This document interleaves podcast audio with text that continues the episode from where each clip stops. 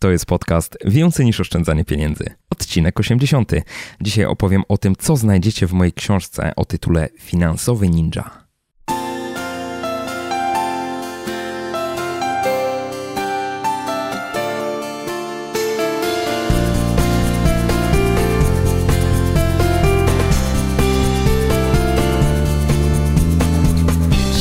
Cześć, dzień dobry. Witam Cię w 80. odcinku podcastu Więcej niż oszczędzanie pieniędzy. Ja nazywam się Michał Szafrański i w tej audycji przedstawiam konkretne i sprawdzone sposoby pomnażania oszczędności. Opowiadam, jak rozsądnie wydawać pieniądze i jak odważnie realizować swoje pasje i marzenia. Jeśli tylko szukasz odrobiny stabilizacji finansowej i emocjonalnej w swoim życiu, to ten podcast jest dla Ciebie.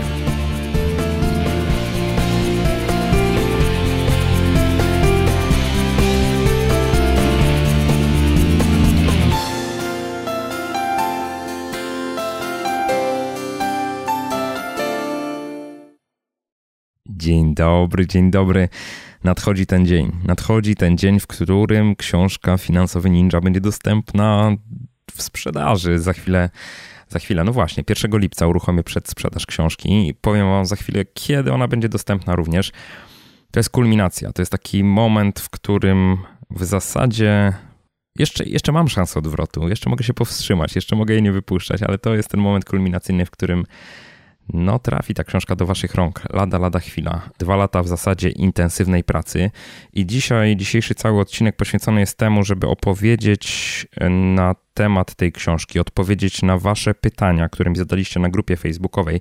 Jest taka grupa mm, Finansowy Ninja e, Kulisy Produkcji, grupa zamknięta, ale dopuszczam każdego chętnego, gdzie opowiadam, gdzie pokazuję te kulisy i tam poprosiłem Was, żebyście mm, zadali pytania, które macie do tej książki i tych pytań spłynęło kilkadziesiąt i na większość z nich dzisiaj odpowiem. Tak będzie chyba najprościej.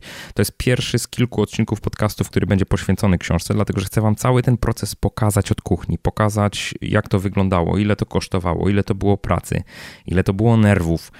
Więc dzisiaj tylko i wyłącznie o książce po to, żebyście podjęli decyzję na temat tego, czy kupić ją, czy jej nie kupić, czy to jest dobra decyzja, czy zła. A w kolejnym odcinku będę chciał opowiedzieć trochę więcej o organizacyjnych aspektach samodzielnego wydawania książki, procesu, który się nazywa self-publishingiem po angielsku.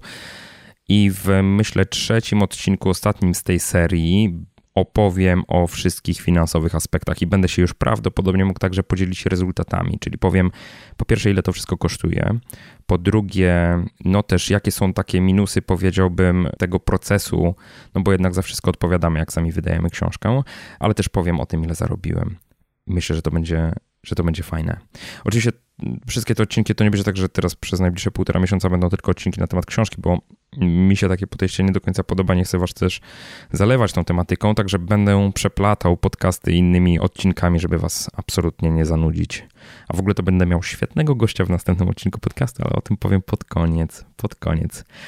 Właśnie, czyli tak, książka za chwilę trafi do Waszych rąk. Na szczęście jest tak, że im więcej osób czyta ją, bo jest trochę osób, które w ręce ją dostały, w tym sensie, że dostały manuskrypt, jak to się ładnie mówi, czyli draft, inaczej mówiąc, czyli wersję roboczą książki, tym więcej opinii również dostaję. E, kilka osób już takie opinie mi przesłało i te opinie są zadowalające na tyle, żebym się troszeczkę uspokoił wewnętrznie, bo zawsze dla autora myślę jest takim dużym stresem, kiedy ta książka się ukazuje na rynku, czy ona rzeczywiście zostanie zaakceptowana, czy ona będzie uznawana za książkę, która jest obowiązkową lekturą, fajną, przydatną, e, wartą ceny, którą za nią się zapłaci, czy, czy też nie, czy, czy zdecydowanie e, nie należy jej polecić. No więc Marek, Marek, który przeczytał już większość tej książki, napisał mi wczoraj komentarz, bo życzyłem mu miłego wieczoru. On odpowiedział w taki sposób: Miłego?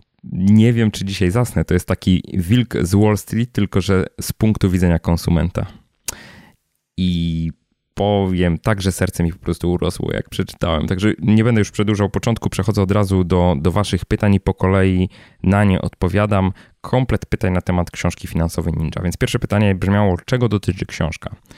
E, z taką prośbą jeszcze się pojawiło, żeby w krótki sposób podsumować najważniejsze rozdziały. Więc od razu powiem tak, że książka, książkę napisałem w taki sposób, żeby składała się z kilku części. Każda z tych części jest, można powiedzieć, niezależna, ale zaczynamy od tego, że część pierwszą mogą określić jako trening, trening finansowego ninja, trening takiej osoby, e, która chciałaby być osobą bezpieczną finansowo, sprawnie poruszającą się po świecie finansów osobistych i ten trening to jest przede wszystkim troszkę praca nad własną motywacją, nad własnym podejściem do pieniędzy z jednej strony, e, z drugiej strony próba określenia również celów, e, czy to oszczędzania, czy ogólnie no, posiadania większej liczby pieniędzy na kontach i planowanie takie długofalowe. I teraz w kolejnej części, oczywiście, no to jest ten trening to jest podstawa, tak? Czyli jakby odpowiedź na pytanie, dlaczego w ogóle my chcemy oszczędzać, albo dlaczego my chcemy mieć w ogóle więcej pieniędzy. Jak można się do takiego określenia takich celów przymierzyć. To się również przewijało kiedyś u mnie w podcastach, ale generalnie w książce zebrałem to taki dosyć spójny sposób. To jest tylko wstęp. I druga część e, jest częścią już bardzo merytoryczną, jakby pierwsza nie była. Pierwsza też jest merytoryczna, ale druga już jest taka bardziej narzędziowa, bo w drugiej części omawiam arsenał finansowego ninja, czyli wszystkie podstawowe narzędzia, którymi przychodzi posługiwać się osobie, która po prostu dba o stan swoich finansów. To z jednej strony, czyli tam tłumaczę, mm, co to jest kalkulator finansowy, co to jest budżet domowy, jak się nimi posługiwać, jak planować, jak weryfikować, czy, czy to nasze zarządzanie finansami idzie w taką stronę, w jaką byśmy chcieli. No i tu znowu element planu się pojawia, tak? czyli jak ułożyć konkretny plan działania i krótkoterminowego, i średnioterminowego, i długoterminowego ale też w, tym, w tej części mm, mówię o fundamentach zdrowych finansów, czyli w szczególności podpowiadam, na co my jesteśmy jako konsumenci usług finansowych, ale również konsumenci ogólnie narażeni, jakie zagrożenia na nas czyhają, kto te pułapki na nas zastawia i jak się przed nimi bronić. I na przykładzie takich produktów prostych zupełnie, jak konty, jak lokaty, jak karty, jak ubezpieczenia, e, to jest taki temat, który na blogu dotychczas zaniedbywałem, a w książce dosyć kompleksowo jest opisany, podpowiadam w jaki sposób przedstawiciele sektora finansowego ogólnie rzecz mówiąc nawijają nam watę na uszy i próbują zrobić taki duży skok na nasze pieniądze. Bo finansowy ninja z mojej perspektywy to jest taka osoba, która potrafi weryfikować, kiedy mu się bullshit wciska, mówiąc brzydko, czyli kiedy mu się opowiada banialuki po polsku i potrafi się też skutecznie przed takimi mm, sytuacji, z takich sytuacji wyjść obronną ręką z jednej strony, a z drugiej strony jednak pogłębiać swoją wiedzę czyli tacy przeciwnicy są mu absolutnie nie, niegroźni. I to jest ta druga część. I dopiero w trzeciej części w zasadzie przechodzę do mm, takich praktycznych wskazówek w czterech obszarach, które uważam za absolutnie kluczowe, czterech obszarach finansów osobistych. Czyli tak, pierwszy obszar to jest taki, z którego najbardziej mnie znacie, czyli oszczędzanie. Drugi obszar to jest zarabianie. Trzeci obszar to jest optymalizacja podatkowa i to bardzo szeroko rozumiana. I czwarty obszar to jest inwestowanie. I każdemu z tych e, obszarów poświęcam sporo uwagi, także pokazując taką ścieżkę ewolucji osoby, która no, jest takim totalnym, można by było powiedzieć, początkującym na drodze finansów osobistych, po to, żeby stopniowo, stopniowo, stopniowo dochodzić do coraz większego stopnia zaawansowania i po prostu mieć coraz więcej e, w portfelu, coraz więcej na kontach i jakby osiągać te cele, które sobie każdy z nas indywidualnie stawia. Dla każdego te cele mogą być inne i tu też pokazuję w książce, że jakby tej jednej drogi absolutnie nie ma. Oddzielny rozdział, oddzielny oddział chciałem powiedzieć, oddzielny rozdział poświęciłem e, tematowi zakupu mieszkania może nie, nie, tylko zakupowi, ale ogólnie tematowi miesz, mieszkaniowemu, który y, jest potencjalnie takim tematem, obszarem największych wydatków w naszym życiu. I tutaj zarówno analizuję, czy opłaca się mieszkanie wynajmować, czy opłaca się mieszkanie kupować, czy jak tutaj mądrze wziąć kredyt hipoteczny. To mądrze z, też z kilku punktów widzenia, dlatego że poza, takim, poza taką mądrością typu brak nadmiernego zadłużania, to również jak sobie samemu określić te ramy, w których kredyt jest dla nas bezpieczny, czyli jak nie przekraczać takich pewnych poziomów ostrożnościowych. E, są też wskazówki dla tych osób, które dzisiaj mają kredyty walutowe, jak sobie z tymi e, kredytami radzić. I od razu też chcę powiedzieć, jakich tematów w ogóle nie dotykam w książce, bo pewnie takie pytania też się pojawią. To akurat nie było, ale, ale dodam to. Przede wszystkim nie dotykam w ogóle tematów finansów w związku. Czyli wspólnych kont i tak dalej, i tak dalej, w ogóle zarządzania, zarządzanie finansami w związku. Nie dotykam tematów edukacji finansowej dzieci, nie dotykam też żadnych tematów związanych na przykład z dziedziczeniem, z sukcesją i tak dalej, i tak dalej. Robię to, to w sposób dosyć świadomy, bo pomimo, że tych tematów nie dotykam, to mm, książka wyszła bardzo, bardzo gruba. Ona będzie miała około 600 stron. Jeszcze skład trwa, więc finalnej liczby stron nie potrafię powiedzieć w tej chwili, ale już jesteśmy na, dosyć, na tyle zaawansowani, że wiem, ile, ile tych stron z grubsza będzie. To są takie tematy, które ja sobie zostawiłem do kolejnych publikacji, bo to mm, książka finansowa Ninja jest dla mnie takim fundamentem, fundamentem, na którym będę budował później książki tematyczne. I takie było od początku założenie. E, także te tematy związane z rodziną, z dziećmi zostawiłem sobie na potem. To trochę też determinuje, dla kogo ta książka jest, e, ale o, o tym za chwilę powiem, za chwilę do tego dojdziemy. No właśnie, drugie pytanie. Jak praktycznie korzystać z książki? Czy to jest bardziej przewodnik, w którym czytasz i robisz, czy raczej książka bardziej ku inspiracji? I powiem tak, to jest zdecydowanie bardziej podręcznik. Podręcznik finansów osobistych. Gabi, która e, recenzowała na bieżąco całość i czytała całość i miała swój duży udział w tym wszystkim, e, po przeczytaniu powiedziała, że to jest, określiła to wręcz jako taki podręcznik wiedzy praktycznej. Tak mi to utkwiło w głowie, bo, bo to jest bardzo fajne określenie.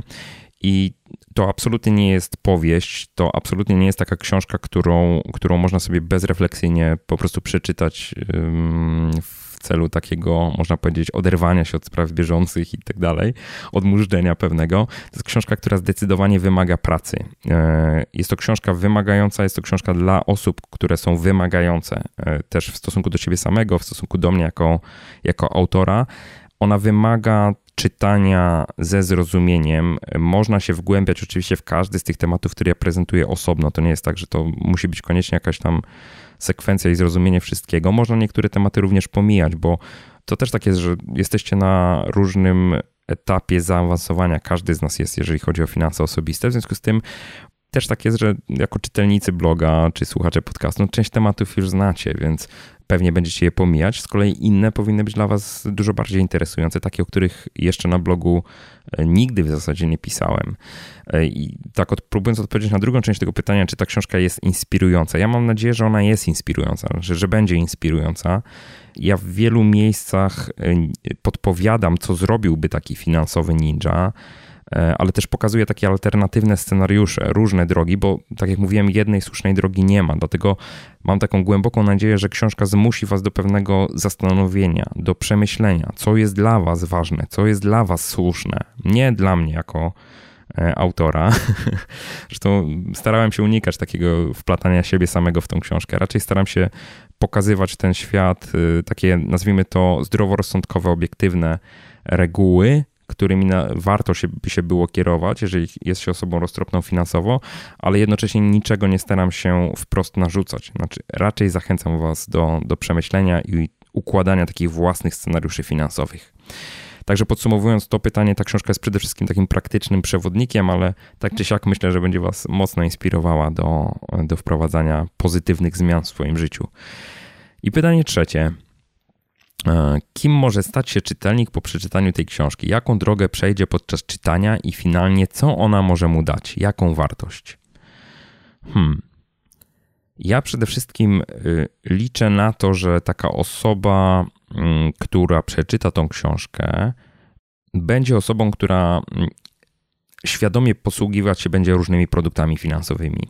I będzie też miała taką głęboką świadomość, że można się na tych produktach e, sparzyć, będzie znała podstawowe zagrożenia, które wiążą się z korzystaniem z konkretnych produktów i że też dzięki informacjom, które zawarłem w książce, będzie mniej podatna na manipulacje i wykorzystywanie wprost to mówię, wykorzystywanie przez doradców finansowych, którzy przede wszystkim dbają o swój interes, a niekoniecznie dbają o interes klienta. To tak, albo inaczej, stawiają swój interes przed interesem klienta. Nie mówię, że dotyczy to wszystkich doradców, absolutnie nie, ale takich jest wielu, więc jakby chcę Wam dać w ręce narzędzia, które pozwolą Wam się skutecznie bronić. Ta książka ma być takim narzędziem. Też tak powiem, dygresję taką na temat zawartości książki, jeszcze bo wcześniej o tym nie powiedziałem, że y, ja paradoksalnie w tej książce bardzo mało do, w bardzo małym stopniu dotykałem tematu oszczędzania. To znaczy uznałem, że ten temat jest już bardzo mocno rozwinięty na moim blogu, więc w, no w książce on jest zajawiony, można powiedzieć, tylko te najważniejsze rzeczy, najważniejsze kategorie wydatków i wskazówki, jak sobie z nimi radzić, zamieściłem w książce, ale bardzo dużo też odsyłam do książki, do konkretnych artykułów, które już na blogu były publikowane. I teraz mówiąc o wartości, jaką książka może dać czytelnikowi, ja myślę, że ta wartość może być olbrzymia potencjalnie, ale ta wartość zależy przede wszystkim od tego, na ile czytelnicy tej książki rzeczywiście będą chcieli coś zmienić w swoich finansach. Znaczy, na ile podejdą do, do tej książki jako pewnej instrukcji do przepracowania, e, no ale wiadomo, że jeszcze nikomu chyba nic się nie zmieniło po prostu od tego, że przeczytał książkę. Tak? Zawsze trzeba w jakiś sposób to, co się wchłania, czytając taką lekturę, przełożyć na swoje życie i dopiero wtedy będzie można zauważyć efekty. Także ja mogę ze swojej strony powiedzieć, że to jest bardzo dobra, zbiór bardzo dobrych podpowiedzi, no ale też nie jest to nic więcej. To są tylko podpowiedzi. Tak? Także rozmiar zmiany ewentualnie zależy wyłącznie od Was. I tu pojawia się kolejne pytanie, które bardzo mi się podobało. Czwarte pytanie. Ile zaoszczędzę albo zarobię, jeśli zastosuję się do rad zawartych w książce? To jest, znaczy, no nie wiem, jak miałbym na to odpowiedzieć, ale powiem, powiem w bardzo przewrotny sposób. W książce jest przykład konkretny, konkretnej osoby, która korzystała z rad, które zamieszczałem w jednym z rozdziałów, ale tak naprawdę korzystała z, z rad, które kiedyś tam zamieszczałem na blogu. I ta osoba mm, po prostu przygotowując się do rozmowy o pracę, uzyskała wynagrodzenie wyższe o 1800 zł miesięcznie od kwoty, której, którą chciała, o którą chciała poprosić, o której chciała zażądać. Tylko dlatego, że wcześniej wykonała odpowiedni research i popytała znajomych na temat tego, ile w tej konkretnej firmie można zarobić. Popytała też mnie i ja udzieliłem takiej e, podpowiedzi, więc e, no, to też pokazuje, że jakby te, te porady, które ja daję, one rzeczywiście działają. No, ta osoba konkretnie zarabiała 22 tysiące złotych rocznie więcej, tylko dlatego, że gdzieś tam podpytała kogoś i skorzystała z kilku prostych podpowiedzi, które na blogu się pojawiały. I teraz cała, cała rzecz polega na tym, że tak, w tej książce takich podpowiedzi to są autentycznie setki w różnych obszarach życia, w różnych obszarach finansów.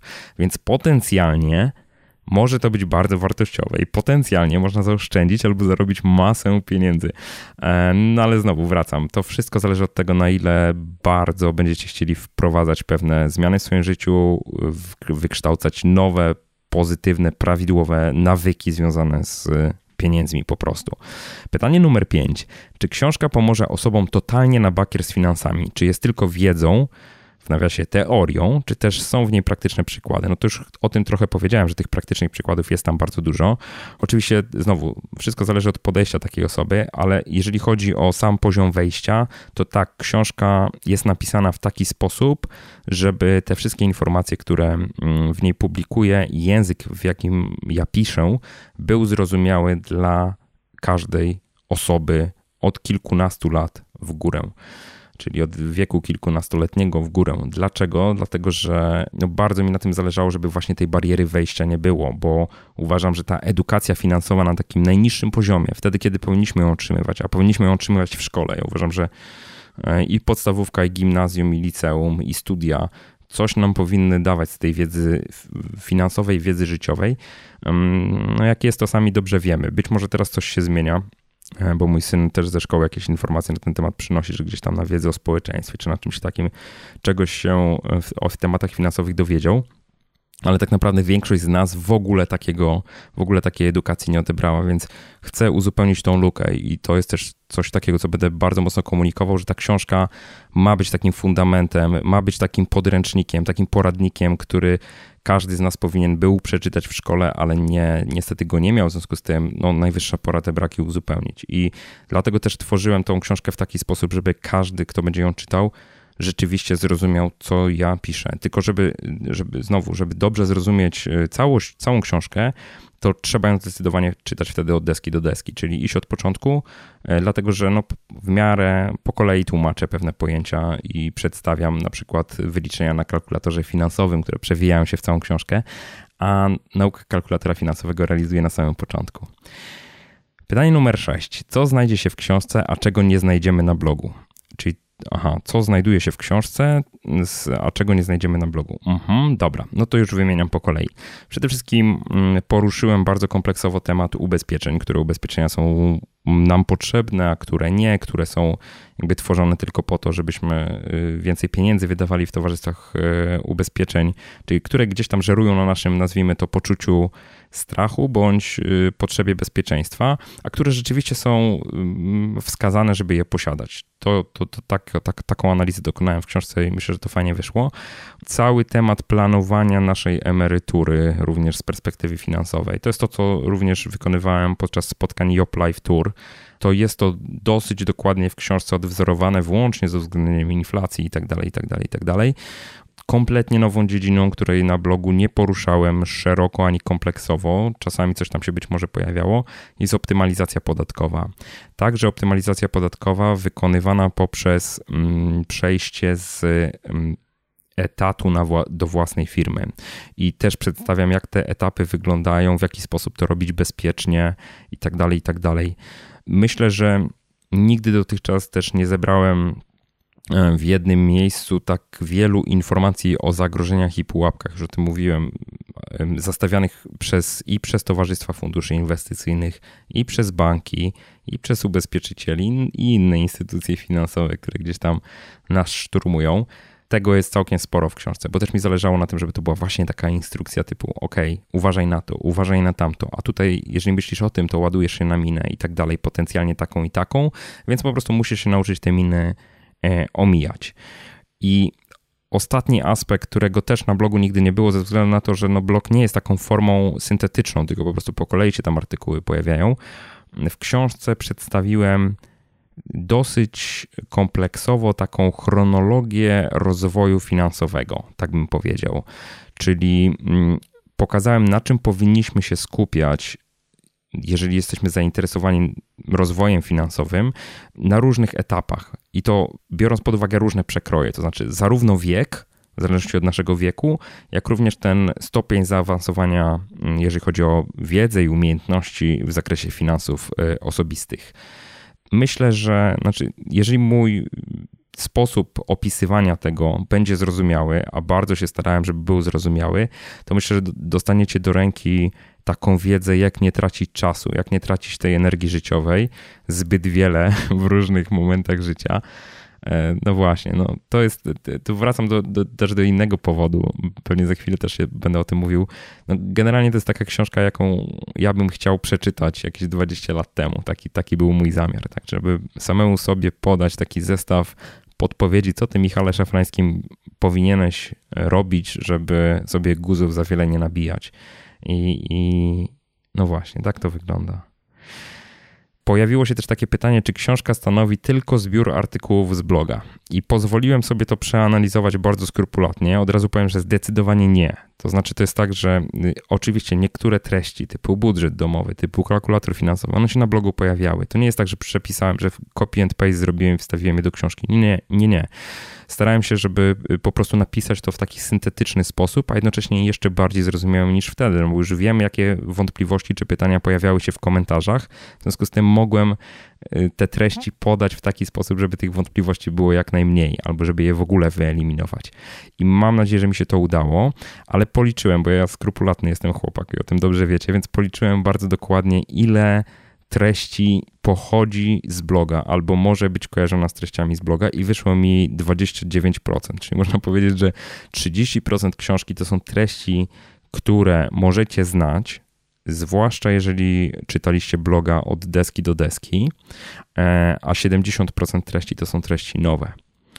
I to jest też taki powód, dla którego pisanie tej książki rzeczywiście trwało tak długo, bo tych treści nowych powstało od groma i ciut, ciut. I powiem szczerze, że jak się przymierzałem do tej analizy, to się zastanawiałem, ile ja tam rzeczywiście skopiowałem, a ile napisałem od nowa i wydawało mi się, że te proporcje są trochę inne. To znaczy, że tych treści z bloga, mimo wszystko inspirowanych tym, co już było, że ich jest więcej. A się okazało, że ich jest mniej. I, I, też zupełnie inaczej patrzę na to, bo wczoraj dokładnie liczyłem sobie te proporcje. Także spojrzałem na to i mówię, teraz, teraz nareszcie rozumiem, dlaczego to tak długo trwało, bo no jeżeli macie 400 stron tekstu, bo to tak wygląda mniej więcej, do napisania totalnie od zera, a 200 stron to jest strony materiałów mocno, mocno przeredagowanych, tak by te proporcje wyglądały, albo wręcz 150 versus 450, no to no jest to zrozumiałe chyba, dlaczego to tyle powstawało. Rodziło się w strasznych bólach, ale dzisiaj o tym nie będę mówił, opowiem o tym kiedy indziej, e, kiedy się będę dzielił refleksjami. Pytanie numer 8. Czy każdy poradzi sobie z wdrożeniem informacji w życie?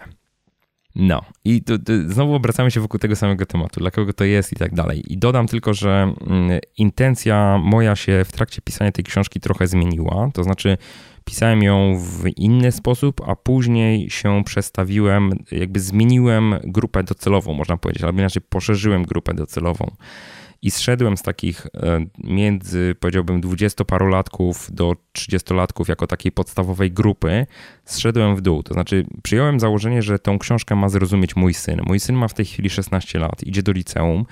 I pomyślałem sobie, że to jest taka e, elementarna wiedza, którą ja bym chciał mu przekazać w dziedzinie finansów osobistych. Oczywiście nie wszystkie tematy będą od razu dla niego, dlatego że kwestia zakładania własnej firmy i tak dalej, prawdopodobnie będzie musiał do tego dojrzeć. Znaczy, mimo wszystko wolałbym, żeby gdzieś tam popracował, żeby liznął tego yy, świata i, pracy z, no, z, różnych pieców chlebu i jadł, zanim pójdzie na swoje, yy, ale jednak chcę mu dać solidne podstawy, więc książkę mm, przepisałem w pewnym sensie w pewnym momencie w taki sposób, żeby wszystko było zrozumiałe również dla osób, które mają kilkanaście lat. To było też mocno inspirowane mailami, które otrzymuję, bo bardzo wiele osób, które do mnie pisze w tej chwili, są osoby młode, gdzieś tam na początku drogi, na przykład próbujące samodzielnie utrzymać się na studiach, bo rodzice pieniędzy y, dla nich na ich utrzymanie nie mają, więc muszą samodzielnie zarabiać i jakoś gospodarować tymi pieniędzmi, więc im wcześniej tą wiedzę, te, te podstawy finansów osobistych, myślę, każdy otrzyma, tym po prostu lepiej. Więc mówię, bariery wejścia tam nie ma. E, oczywiście to jest tak, wracając do pytania, czy każdy sobie poradzi z wdrożeniem informacji w życie. Oczywiście jest tak, że droga finansowego ninja to jest droga, która jest długa i wymaga wysiłku. I ja nie twierdzę, że to jest bardzo proste przyswojenie tych informacji, że bardzo proste jest wdrożenie ich w swoim życiu. Znaczy, każdy proces zmian jest procesem trudnym. On jest nawet trudny dla mnie. No i co tu dużo mówić. Wszystko, co robię na początku było trudne, po to, żeby później po prostu weszło w krew i stało się w jakiś tam sposób łatwe, naturalne mm, i tak dalej. Jak widać, efekty to jest, to jest dużo łatwiej, więc to, to, to, o czym y, ja piszę w tej książce, to jest pewna instrukcja, za którą powtórzę jeszcze raz, nie chcę, żebyście mechanicznie podążali. Liczę na to, że każdy świadomy czytelnik autentycznie wybierze sobie to, co ma zastosowanie w jego przypadku, ale też z drugiej strony można powiedzieć, że nie zdziwię się, jeżeli będą takie osoby, które książkę przeczytają, a żadnych z podanych tam zaleceń nie wdrożą w życie. Ja mam tylko nadzieję, że coś w tych głowach w przypadku takich osób zostanie i że kiedyś, kiedy napotkają albo odnajdą się w jakiejś konkretnej sytuacji, na przykład siedząc naprzeciwko osoby, z którą będą rozmawiały o zakupie mieszkania, że gdzieś tam im dzwoneczek w głowie przypomni, że aha, był taki szafrański, który coś na ten temat pisał, może tam zerknę, może sobie przypomnę. I to też jest taki fajny efekt, którego, który chciałbym po prostu osiągnąć. O, widzę, że mam znowu powtórzone pytanie. Pytanie numer 9. To książka nauczająca odpowiedniego działania, czy inspirująca do zmian? Raczej odpowiednie, e, odpowiedniego działania, już o tym mówiłem. Mm, I pytanie numer 10. Na ile ta książka jest Twoją biografią działania w finansach? No właśnie. I to jest też yy, fajne pytanie, bo sporo takich sugestii się pojawiało, żebym taką biografię napisał, jak te finanse wyglądały u mnie. Więc od razu powiem, że ta książka absolutnie nie jest moją biografią. Oczywiście tam się w pewnych miejscach pojawiają jakieś historyjki, dykteryjki, ale ja nie prze, znaczy w ogóle nie przeładowywałem nimi książki. To chodziło mi tylko o to, żeby czasami podawałem jakieś historie, tylko po to, żeby łatwiej mi było zobrazować pewne mechanizmy finansowe. Albo tam, gdzie uznawałem, że one mają jakąś wartość i właśnie pomagają mi zobrazować jakieś zagadnienie, to wtedy o nich pisałem, ale dosłownie jest to na palcach jednej ręki można policzyć te elementy biograficzne. Ale też z drugiej strony to nie jest tak, że ja piszę w tej książce coś, pod czym bym się nie podpisał albo czego nie uważam za słuszne. Także siłą rzeczy to jest dosyć moje, powiedziałbym, mój subiektywny punkt widzenia na finanse osobiste, y, oparty na moim zestawie doświadczeń, oparty na zasadach, którymi ja się, ja się kieruję w moich finansach, które uważam za ważne, ale absolutnie, podkreślę, to nie jest to książka biograficzna. I dochodzimy do jedenastego punktu, jedenastego pytania, które jest kluczowe, czyli dla kogo jest ta książka, a dla kogo ta książka nie jest. I ja ukułem sobie taki termin, że to jest książka dla każdego, ale jednocześnie nie jest to książka dla wszystkich. Czyli książka dla każdego, ale jednocześnie nie dla wszystkich. Na pewno nie powinni po nią sięgać specjaliści od, od finansów, osoby, które e, odebrały taką edukację, uważają, że o finansach wiedzą wszystko, e, nie powinny po nią sięgać, bo wtedy się pewnie znudzą. Bo ja mimo wszystko wiele rzeczy podaję tak od y, poziomu niemalże zero. Czyli dla nich to może być zbyt proste, zbyt oczywiste, a myślę, że dla kilku smaczków, których mogą się dowiedzieć po prostu nie ma sensu, żeby tę książkę nabywali, ale oczywiście, jeżeli to zrobią, jeżeli książka im się spodoba, jeżeli coś im się tam z tej książki przyda, no to będę bardziej niż szczęśliwy. Ja bym powiedział, że to jest książka dla każdego z nas, w sensie takim, że to jest książka dla zwykłych ludzi, tak w dużym cudzysłowie to mówię, takich jak, jak ja, jak e, każdy inny wokół nas, czyli dla osób, które po pierwsze finansistami nie są, nie uważają się za wielkich specjalistów. Ja mimo wszystko mam jakiś zestaw wiedzy, ale w pewnym obszarze, tak? To nie jest tak, że wiem wszystko. Oczywiście do książki również się przygotowywałem, więc pewien research wykonałem, pewne informacje zweryfikowałem po to, żeby wam podać to, co jest sprawdzone, poparte, czymś tam i tak dalej. Na pewno w największym stopniu z tej książki skorzystają osoby młode. Też osoby takie, które wchodzą na rynek pracy, albo takie, które poruszają się po rynku pracy powiedzmy od 10-15 lat. Czyli to jest ta dla mnie podstawowa grupa docelowa, bo pierwszym osobom, czyli tym osobom młodym, czy wchodzącym na rynek pracy, ta książka da przede wszystkim takie solidne podstawy w zakresie finansów, a tej drugiej grupie, tej, która już od jakiegoś czasu jest na rynku pracy, myślę, że pomoże się bardzo głęboko zastanowić nad y, perspektywami finansowymi i też łatwiej im będzie niektóre tematy zgłębić, które są w tej książce w oparciu o doświadczenie życiowe, które już mają. Czyli będzie łatwiej filtrować te informacje. A myślę, że to filtrowanie jest absolutnie, absolutnie kluczowe. I to są takie dwie grupy docelowe, do których ja celowałem i które uważam, że stanowią jeszcze taką grupę, której dosyć łatwo będzie pewne zasady w swoim życiu wprowadzić, coś tam zmienić i osiągnąć długofalowo bardzo pozytywne efekty. Dlatego, że jeżeli ktoś jest osobą starszą i ma braki w edukacji finansowej, to oczywiście z tej książki jak najbardziej dowie się, co może robić. Problem jest tylko taki, że prawdopodobnie ma dużo mniej czasu niż ci młodzi, żeby mm, coś z tymi finansami swoimi rzeczywiście istotnie poprawić. Także tak, tak to mniej więcej widzę. Nie wiem, mam nadzieję, że ta moja odpowiedź jest zrozumiała, ale teraz jak się zastanawiam nad tym, to nie wiem. E, dobra, pójdźmy dalej. 12. Czy ta książka przyda się również i tym, którzy oszczędzają już na wszystkie możliwe sposoby? Ha, zdecydowanie tak. To jest, bo tutaj to, co się kryje za tym pytaniem, to jakby od razu mam takie domniemanie, że to są takie osoby, które rzeczywiście są mistrzami oszczędzania. A ta książka w gruncie rzeczy nie jest y, stricte o oszczędzaniu. Ona jest o tym, jak być osobą, która sobie radzi na wszystkich frontach. Czyli nie tylko oszczędza, ale też umie zwiększać swoje zarobki, umie inwestować, umie odpowiednio unikać płacenia zbyt wysokich podatków, oczywiście stosując wszystkie możliwe legalne sposoby. Także jeżeli ktoś z oszczędzania uczynił swoją religię, a w mniejszym stopniu radzi sobie w tych innych obszarach, no to zdecydowanie to jest książka dla niego i na pewno pomoże mu też przejść do takiej, bo to też osoby oszczędzające często, często działają tak, że często, znowu generalizuję, przepraszam, przepraszam bardzo za generalizację, ale tak mi się wydaje, że osoby oszczędzające często robią to, ale w takiej perspektywie krótkofalowej. Nawet jeżeli zbierają na jakieś tam cele, to rzadko kiedy rzeczywiście myślimy o emeryturze jako o takim celu oszczędzania. Takim celu, który tak naprawdę jest mierzalny, to znaczy można wiedzieć, ile tych pieniędzy na emeryturę powinniśmy mieć i dlaczego tyle i tak dalej. Można różne scenariusze rozważać i książka w tym pomaga. Także jeżeli ktoś dzisiaj oszczędza, uważa się za mistrza oszczędzania, a jednocześnie czuje, że tak nie, nie, nie za bardzo z celami y, potrafi to sobie skleić takimi długoterminowymi, to myślę, że książka Finansowy Ninja jak najbardziej mu w tym pomoże. Tu jeszcze odwołam się do, do, do mojej dewizy, którą świetnie znacie. Ja zawsze powtarzam, że najlepszym sposobem oszczędzania pieniędzy jest po prostu zwiększanie przychodów i książka bardzo mocno wtłacza tę regułę do głowy i myślę, że to jest y, też taka wartość, którą no ja chcę nieść po prostu, znaczy, żeby, żeby pokazywać, że to, to, to, to oszczędzanie nie polega tylko i wyłącznie na tym, żeby ciąć koszty, no, litości. Wiemy to przecież wszyscy, nie? No, dobra. Punkt trzynasty, pytanie trzynaste. Jakie problemy rozwiązuje książka? Kręcimy się wokół tego samego, fajnie. Hmm.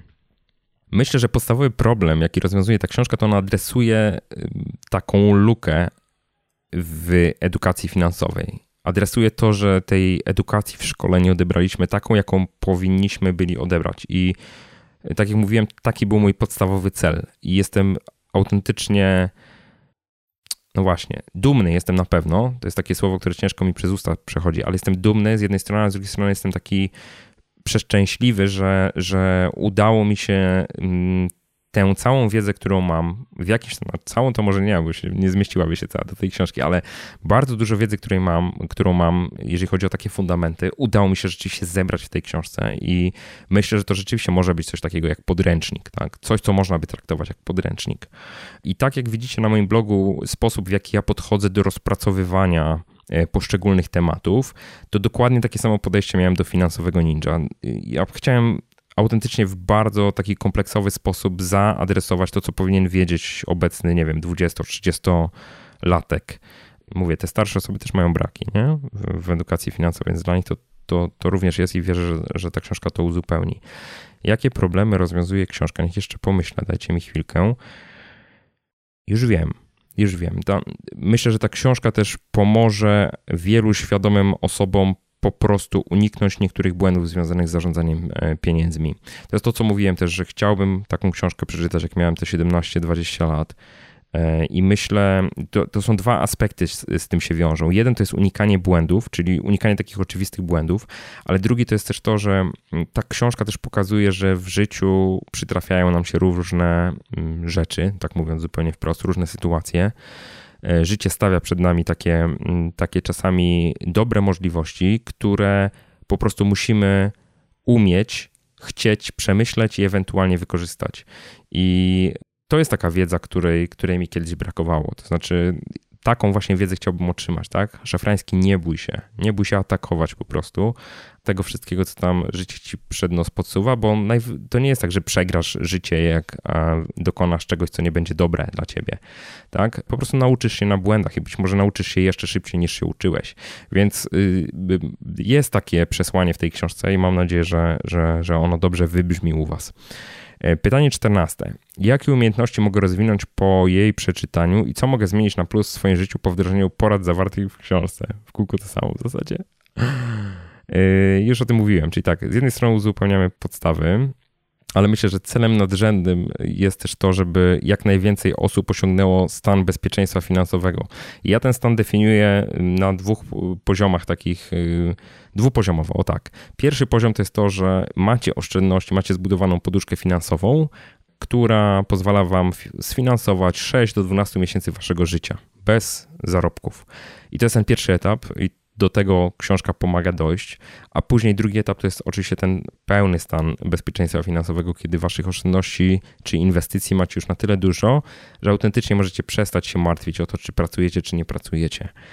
I sprowadzając to do konkretnych umiejętności, bo to jest pytanie, jakie umiejętności mogę rozwinąć po przeczytaniu książki, sprowadzając to do konkretnych umiejętności, to myślę, że książka pomoże na przykład nauczyć się negocjować. I to z, zarówno z innymi osobami, jak i z samymi sobą, bo myślę, że ten drugi aspekt też jest pioruńsko istotny, żebyśmy my potrafili sami z, y, z sobą rozmawiać o tym, co jest dla nas ważne.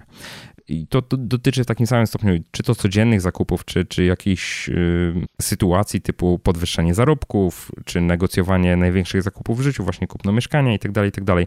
Rozgaduję się, niestety pytań jest jeszcze dużo. E, także przejdę do, przejdę do kolejnego. 15. Dlaczego w moim budżecie powinna się znaleźć kwota na zakup tej książki? Uwielbiam takie pytania. Powiem krótko. Dlatego, że to jest bardzo dobra inwestycja. I ja tak uważam. Tak? I, i co, pomimo, że nie jestem doradcą inwestycyjnym, to uważam, że to jest bardzo dobra inwestycja. Także zdecydowanie zachęcam do zakupu książki. Drugi powód, który mogę dać, jest bardzo taki, jak to się mówi, altruistyczny, chyba takiego słowa się używa, e, dobroczynny, to jest to, że zdecydowałem się część przychodów tej, z tej, ze sprzedaży tej książki przekazywać na konto Pajacyka. Pajacyk, wiecie dobrze, że to jest ta akcja, którą ja wspieram. I krótko mówiąc, żeby uprościć kalkulację, każda sprzedana książka, każdy egzemplarz sprzedanej książki to jest jeden posiłek dla dzieciaków, które są dożywiane w ramach e, programu Pajacyk. Każda książka, jeden posiłek za, ze sprzedaży każdej książki przekazuje 4 zł na konto Polskiej Akcji Humanitarnej. Także tak to wygląda w dużym uproszczeniu. Myślę, że to jest całkiem dobry powód na to, żeby książkę kupić, bo czegoś się dowiecie, a jednocześnie coś dobrego jeszcze dodatkowo zrobicie, nie wyciągając dodatkowych pieniędzy ze swojej kieszeni.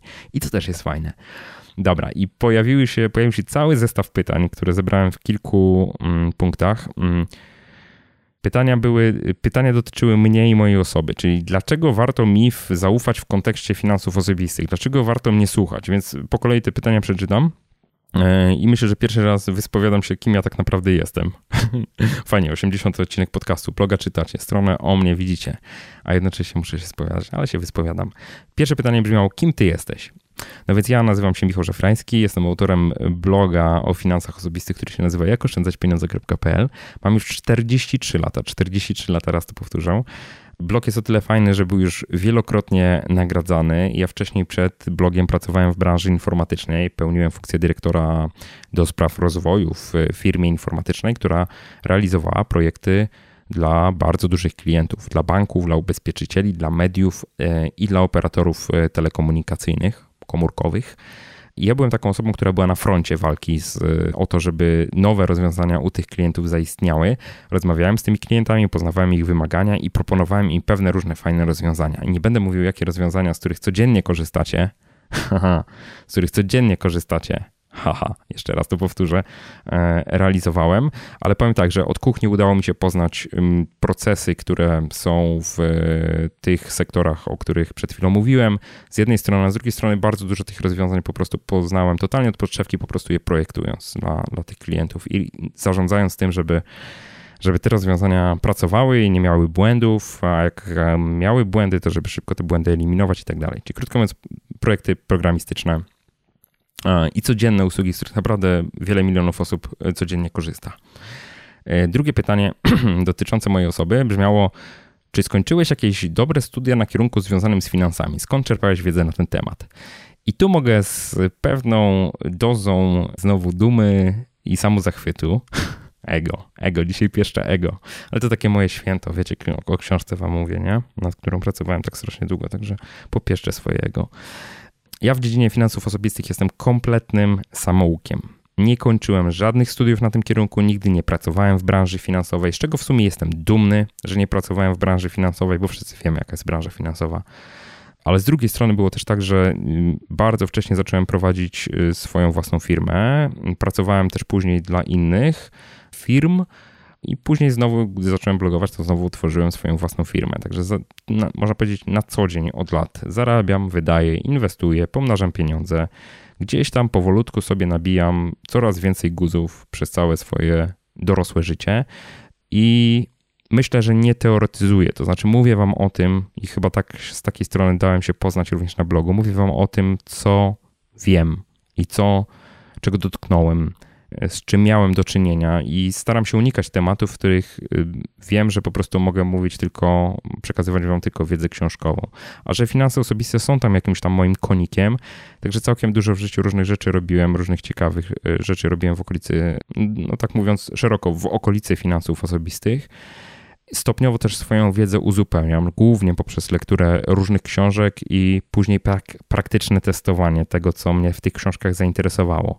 To nie jest tak, że mnie wszystko interesuje. Ja mam dosyć, myślę, pragmatyczne podejście takie do pieniędzy i też stosuję jakiś tam swój sposób na budowanie tego majątku, budowanie również innych rzeczy niż majątek w życiu, bo nie uważam, że pieniądze są najważniejsze. Absolutnie nie są. Są ważne, ale absolutnie nie są najważniejsze i gdzieś próbuję znaleźć optymalny bilans w tym wszystkim. I myślę, że takie moje zdroworozsądkowe podejście do tego tematu to jest też coś, co zaskarbiło mi bardzo waszą dużą sympatię i to, że słuchacie tego podcastu i to, że słuchacie i że czytacie wpisy na moim blogu. Jest takich osób bardzo, bardzo dużo. 2 miliony, 2 miliony, 2,2 miliona, tak? Czyli 2 miliony 200 tysięcy osób chyba w zeszłym roku odwiedziło mój blog co miesiąc to jest od 200 do 300 tysięcy osób, więc ja sam jestem zaskoczony, jak, jak bardzo chcecie słuchać tego, co mam do powiedzenia. To jest, kurczę, to jest absolutnie zaskakujące. No, ale jednocześnie cieszące i bardzo Wam jestem za to wdzięczny, bo dzięki temu też mogę z tą swoją wiedzą, swoimi przemyśleniami w jakiś sposób szerzej docierać i mieć to poczucie, że to się komuś przydaje, że, że, że nie trzymam tego dla siebie, tylko też dzielę się tym z innymi. Znowu się, znowu się rozgadałem. Dobra, kolejne pytał, pytanie było, czy książkę napisałeś bazując na swoich subiektywnych odczuciach i prywatnych doświadczeniach, czy może zawarta w niej wiedza jest jakoś naukowo podparta? Wiecie, Finansowy Ninja jako książka to absolutnie nie jest opracowanie naukowe. I to, co ja tam przedstawiam, tak jak mówiłem, to są zasady zdroworozsądkowe. O, i tyle mam do powiedzenia w tym temacie. Oczywiście są takie miejsca w książce, w których ja się podpieram zewnętrznymi autorytetami, jakimiś tam badaniami, które wyszukałem, wynalazłem. Zawsze w takim przypadku tam na dole strony podaję taki odnośnik, przypis, w którym znajduje się źródło e, tych informacji. Także tak, no w książce też trochę takich e, zewnętrznych źródeł jest. To nie jest tak, że ja się tylko i wyłącznie opieram na tym, co sam wymyśliłem. Zresztą trudno jest wymyślić wszystko od nowa, od razu powiem. E, nie ma to też najmniejszego sensu. No nie po to nasi przodkowie e, jak również ci, którzy są w naszym pokoleniu do tego, do różnych rzeczy dochodzili, żebyśmy wynajdywali koło od nowa. Ja nie wynajduję koła od nowa. Można powiedzieć, że większość tych zasad, które ja podaję, to są takie zdroworozsądkowe zasady, które nam babcie nasze przekazywały, tylko że tylko, że ja je opakowuję po swojemu i myślę, że ten sposób opakowania po swojemu to jest to, co może być dla Was przydatne. Pytanie 17. E, czy ta książka może być lekturą uzupełniającą dla licealistów albo maturzystów? Czego mogą się nauczyć z niej tak młodzi ludzie? Czy nie będzie to na wyrost?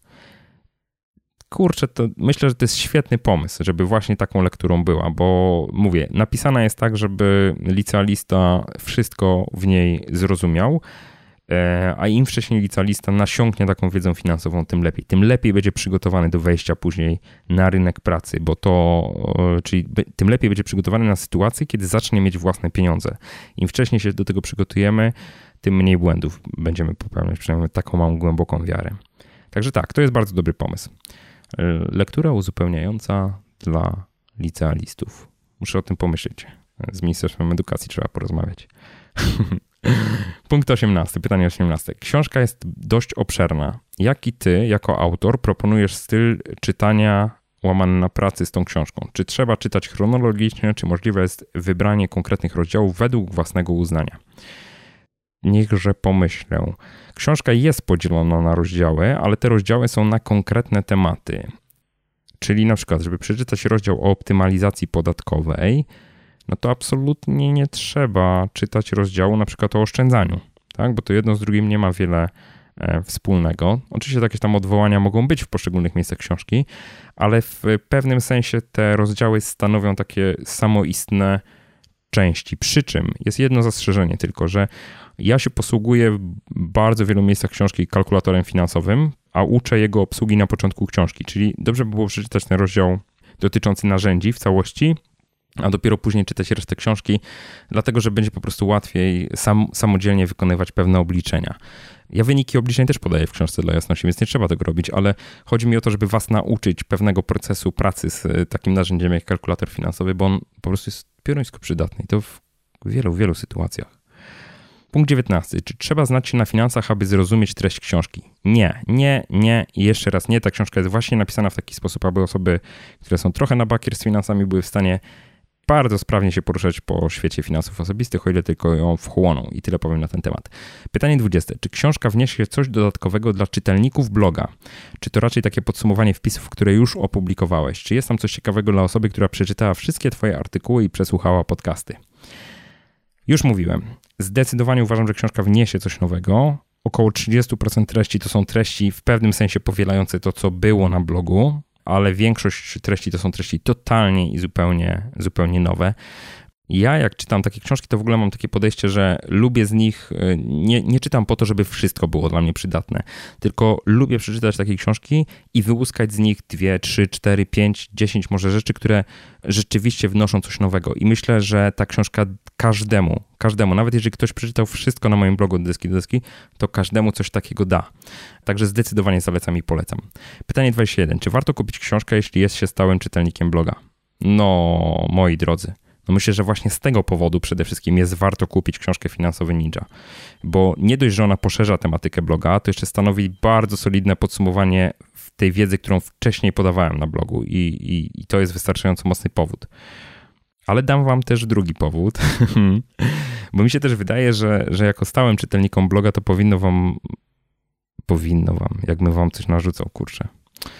Znaczy inaczej, gdybym ja był stałym czytelnikiem bloga, to pewnie by mi bardzo zależało na tym, żeby osobom wokół mnie, które nie czytają blogów finansowych albo nie, nie, po prostu jeszcze nie, jeszcze dla nich finanse osobiste nie są na tyle istotne, żeby chciały się tym jakoś głęboko zajmować, żeby takim osobom tą książkę podsunąć. Bo jeżeli pojawia się jakaś cegła od gościa, który jednak coś na ten temat pisze i jakieś sukcesy w tym obszarze ma, jeszcze inne osoby mówią, że to że rzeczywiście jest coś, co się w życiu przydaje, że ta wiedza się w życiu przydaje, to myślę, że finansowy ninja jest po prostu idealnym prezentem dla takich osób wokół Was. Także nawet jeżeli nie dla Was ta książka e, będzie, to polecam Wam, żebyście po prostu komuś ją sprezentowali. I wiem, że teraz mówię w takim, e, z takiego czysto handlowego punktu widzenia, albo przynajmniej tak mogę być odbierany, e, ale ja autentycznie uważam, że to jest coś, co może pomóc osobom, tym, które no jeszcze kurczę nie sięgnęły po nic związanego z tematyką finansów osobistych, albo sięgnęły, ale jeszcze nie zaczęły działać być może ta książka właśnie pomoże zmienić sposób ich działania. I teraz y, pomyślcie, jeżeli możemy, możecie komuś dać coś, co spowoduje, że ta osoba po prostu będzie miała więcej kasy w portfelu w jakiejś tam perspektywie czasowej, to czy warto to zrobić, czy nie warto tego zrobić? No kurczę, fajnie, ja, ja, się po prostu cieszę, że napisałem książkę, którą po prostu autentycznie będę rozdawał w prezencie wszystkim wokół, tak? Bo to jest y, prawdopodobnie najlepszy prezent, jaki ja dzisiaj mogę dać komukolwiek. E, z, nie wiem, z rodziny dalszej, bliższej i tak dalej, nie? Tak mi się wydaje. Tak mi się wydaje. No, tak jak mówiłem, pisałem książkę, żeby mój syn mógł tą wiedzę wchłonąć, więc uwierzcie, że starałem się dla mojego syna robić e, jak najlepszą robotę. E, także myślę, że to będzie również dla innych przydatne. O matko, ale się rozgadałem. I trochę tak samochwałczo, samoch, samochwała jestem, nie? No. No właśnie, dobra. I to chyba było ostatnie pytanie z tych takich merytorycznych, ale ja sobie zanotowałem, żeby wam podać kilka dodatkowych informacji jeszcze o samej książce, więc mm, w szczególności kiedy ona będzie dostępna i tak dalej, i tak dalej. Więc tak, powiem wprost. Książka to nie jest wszystko, dlatego że oprócz książki przygotowałem dla was cały zestaw dodatkowych e, bonusów, można powiedzieć. Znaczy, pierwsza rzecz, w książce pojawia się bardzo dużo linków, i każda osoba, która nabędzie taką książkę, będzie miała dostęp do strony, gdzie te wszystkie linki są zebrane, żeby nie trzeba było ich przepisywać, ale też tam znajdą się różne kalkulatory i tak dalej, odesłania do tych zasobów, które już na blogu były. E, jak patrzyłem ostatnio do takiego Excela, w którym te wszystkie linki kolekcjonuję, to po prostu kilkadziesiąt różnych odesłań z książki, także Zdobywanie wiedzy absolutnie na tej książce się nie kończy. Można jeszcze każdy z tych tematów pogłębić poprzez lekturę dodatkowych materiałów, które podsuwam. To jest pierwsza rzecz. Druga rzecz to jest taka, że właśnie przedsprzedaż. Przedsprzedaż, w ogóle z książką, przy, książce przyjąłem taki scenariusz, że z grubsza wiem, ile chcę te egzemplarzy wydrukować, ale chciałbym wiedzieć to dokładnie niż z grubsza, żeby z jednej strony nie przepłacać, a z drugiej strony, żeby nie wydrukować zbyt mało. Więc zdecydowałem się uruchomić przedsprzedaż książki. Ona ruszy 1 lipca, w piątek 1 lipca. To jest bardzo szczególny dzień, dlatego że to będzie dzień przed czwartymi urodzinami mojego bloga. Pierwszy wpis na moim blogu pojawił się 2 lipca 2012 roku. Więc z jednej strony to jest ten dzień to będzie zwieńczenie projektu, który ciągnął się przez dwa lata bo prace nad książką trwały dwa lata. Rok, można powiedzieć, temu zacząłem jej intensywne pisanie. Intensywne, to znaczy usiadłem do tego, żeby ją napisać i chciałem skończyć, a później mi się to rozsypało, przeciągnęło i się strasznie męczyłem. Zresztą o tym już mówiłem w jednym z odcinków podcastów. I nareszcie to się zwieńczy, a jednocześnie to są cztery lata mojego bloga. Także dzień jest dla mnie szczególny. Mam nadzieję, że będzie dniem fajnym, miłym i że zobaczę po prostu, że ta książka została przez Was wchłonięta po prostu w olbrzymich ilościach. Ale ten dzień startu przedsprzedaży to nie będzie dzień premiery książki. Sama książka ukaże się prawdopodobnie 19 sierpnia. Jeszcze to będę y, potwierdzał, czyli premiera będzie miała miejsce w piątek 19 sierpnia. E, wtedy w tygodniu tym poprzedzającym ten dzień w zasadzie wszystkie osoby, które otrzyma, zamówią, zamówią książkę w przedsprzedaży, otrzymają ją po prostu. No chyba, że będziecie na wakacjach, no to wtedy, mm, że tak powiem, wyślemy ją trochę później, na początku września na przykład, nie? Żeby, żeby książka się nie odbiła e, od was. Ale to sobie, to, to, to jeszcze procedurę co do tego będę mm, potwierdzał we wpisie na blogu na ten temat. I to, co jest istotne, Książka w tym okresie przedsprzedaży będzie oferowana w kilku pakietach i od razu mówię, że będzie oferowana w najatrakcyjniejszej cenie, jaka może być. Dlatego, że ja mam taką strategię, że nie zamierzam udzielać żadnych rabatów na tą książkę. Zresztą chyba dałem się poznać już z tej strony, że rzeczywiście taką strategię stosuję, tak jak było przy kursie e, budżet domowy w tydzień, gdzie cena kursu w zasadzie można powiedzieć tylko rosła. Więc y, w tej chwili jest tak, że książka będzie dostępna w trzech pakietach od 1 lipca. Pierwszy pakiet to będzie sama książka w wersji papierowej. Y, takim bonusem dla Was w okresie przedsprzedaży będzie to, że nie będziecie musieli zapłacić za wysyłkę tej książki. Książka będzie wysyłana kurierem, który będzie dochodził w 48 godzin, oczywiście w momencie, w którym e, ona będzie już wydrukowana i dostępna, czyli gdzieś tam w okolicy połowy sierpnia. I oprócz tego, każda książka, którą zamówicie w przedsprzedaży, będzie z moim autografem. Także zamierzam podpisać każdy egzemplarz książki, który zostanie zamówiony w przedsprzedaży. E, drugi pakiet to będzie droższy pakiet, ale będzie zawierał bardzo fajne i atrakcyjne dodatki. Przede wszystkim to będzie pakiet, w którym będzie książka papierowa, ale dodatkowo będzie również dostępny e-book, czyli książka w wersji cyfrowej e, w dwóch formatach, w formacie EPUB i w formacie MOBI, ale jeszcze oprócz tego dorzucę tam dodatkowego e-booka, kilkadziesiąt stron, kilkadziesiąt stron dodatkowego e-booka, który będzie komiksowym streszczeniem całej książki.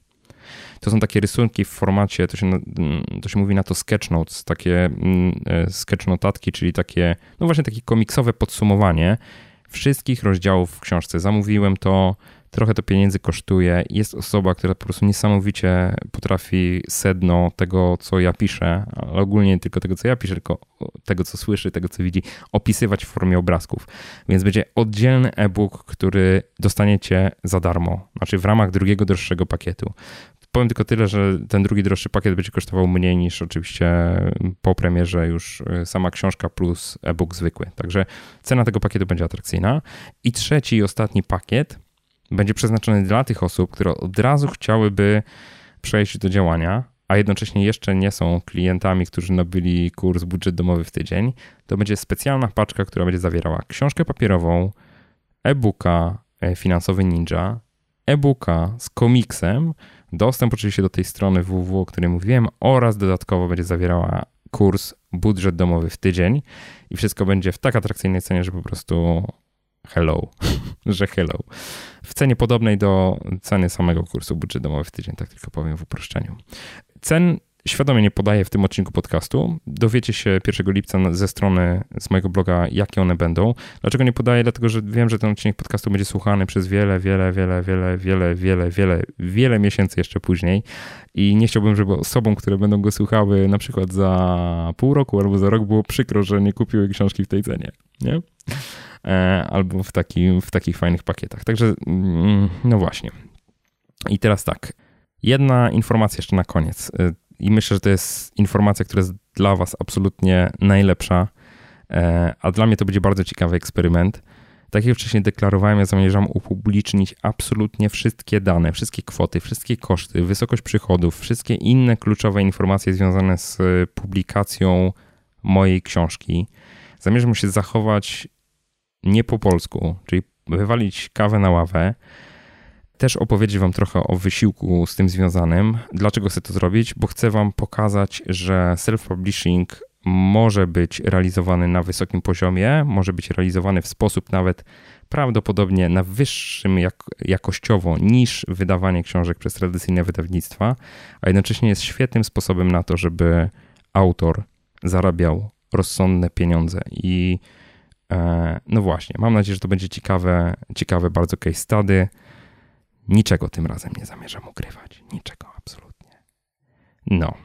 Powiem tylko, że dzisiaj już zdecydowałem, w której drukarni będę drukował, także wszystkie detale są e, ustalone. Ostatnia prosta autentycznie dzieje się, także trzymajcie kciuki i mam nadzieję, że, że będziecie w tej podróży razem ze mną i że wszyscy będziemy tak podjarani, jak ja jestem w tej chwili. No właśnie, yy, chyba w tym odcinku zbyt dużo zasobów nie wymieniałem, ale jeżeli jakieś wymieniałem, to linki do nich znajdziecie w notatkach do tego odcinka podcastu pod adresem jakoszczędzaćpieniądze.pl ukośnik 080 i muszę wam powiedzieć, że za dwa tygodnie muszę wam powiedzieć, bo obiecałem na początku odcinka, muszę wam powiedzieć, że za dwa tygodnie będę miał znowu absolutnie specjalnego i fenomenalnego gościa, bo będę rozmawiał z nikim innym, tylko z Marcinem Iwińskim. A Marcin Iwiński jest jednym z założycieli firmy CD Projekt. Tej firmy, która, jak wiecie, wyprodukowała chyba najpopularniejszą polską grę na świecie w tej chwili, czyli Wiedźmina.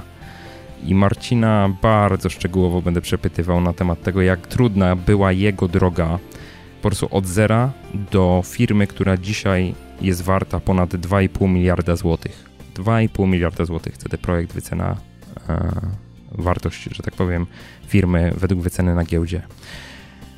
No, także super gość. Zobaczymy, jak ta rozmowa się potoczy. Z Marcinem znamy się y, hen hen, że tak powiem, ale nie widzieliśmy się przez ostatnie chyba kilkanaście lat. Nie, ani razu się nie spotkaliśmy. No i teraz znowu się spotkamy. Udało się umówić tę rozmowę. Myślę, że będziecie zadowoleni. Będą Państwo zadowoleni. zadowoleni. No, ale zanim to się wydarzy, czyli zanim będzie ten czas za dwa tygodnie, no to będziemy mieli w międzyczasie start przy sprzedaży książki, czwarte urodziny mojego bloga, punkt kulminacyjny tego ciężkiego projektu. Mam nadzieję, że wszystko przebiegnie świetnie, bez problemów, że wy będziecie chcieli sięgnąć po te treści w takiej syntetycznej formie podane, w formie książki. Nerwy autentycznie mam jak postronki w tej chwili, ale jestem dziwnie spokojny, to znaczy denerwuję się bardzo wewnętrznie, ale zewnętrznie chyba jestem bardzo, spoko bardzo spokojny.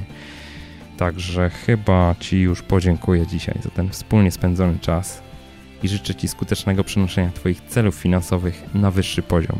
I mam nadzieję, że książka Finansowy Ninja skutecznie w tym pomoże. Trzymaj się i do usłyszenia.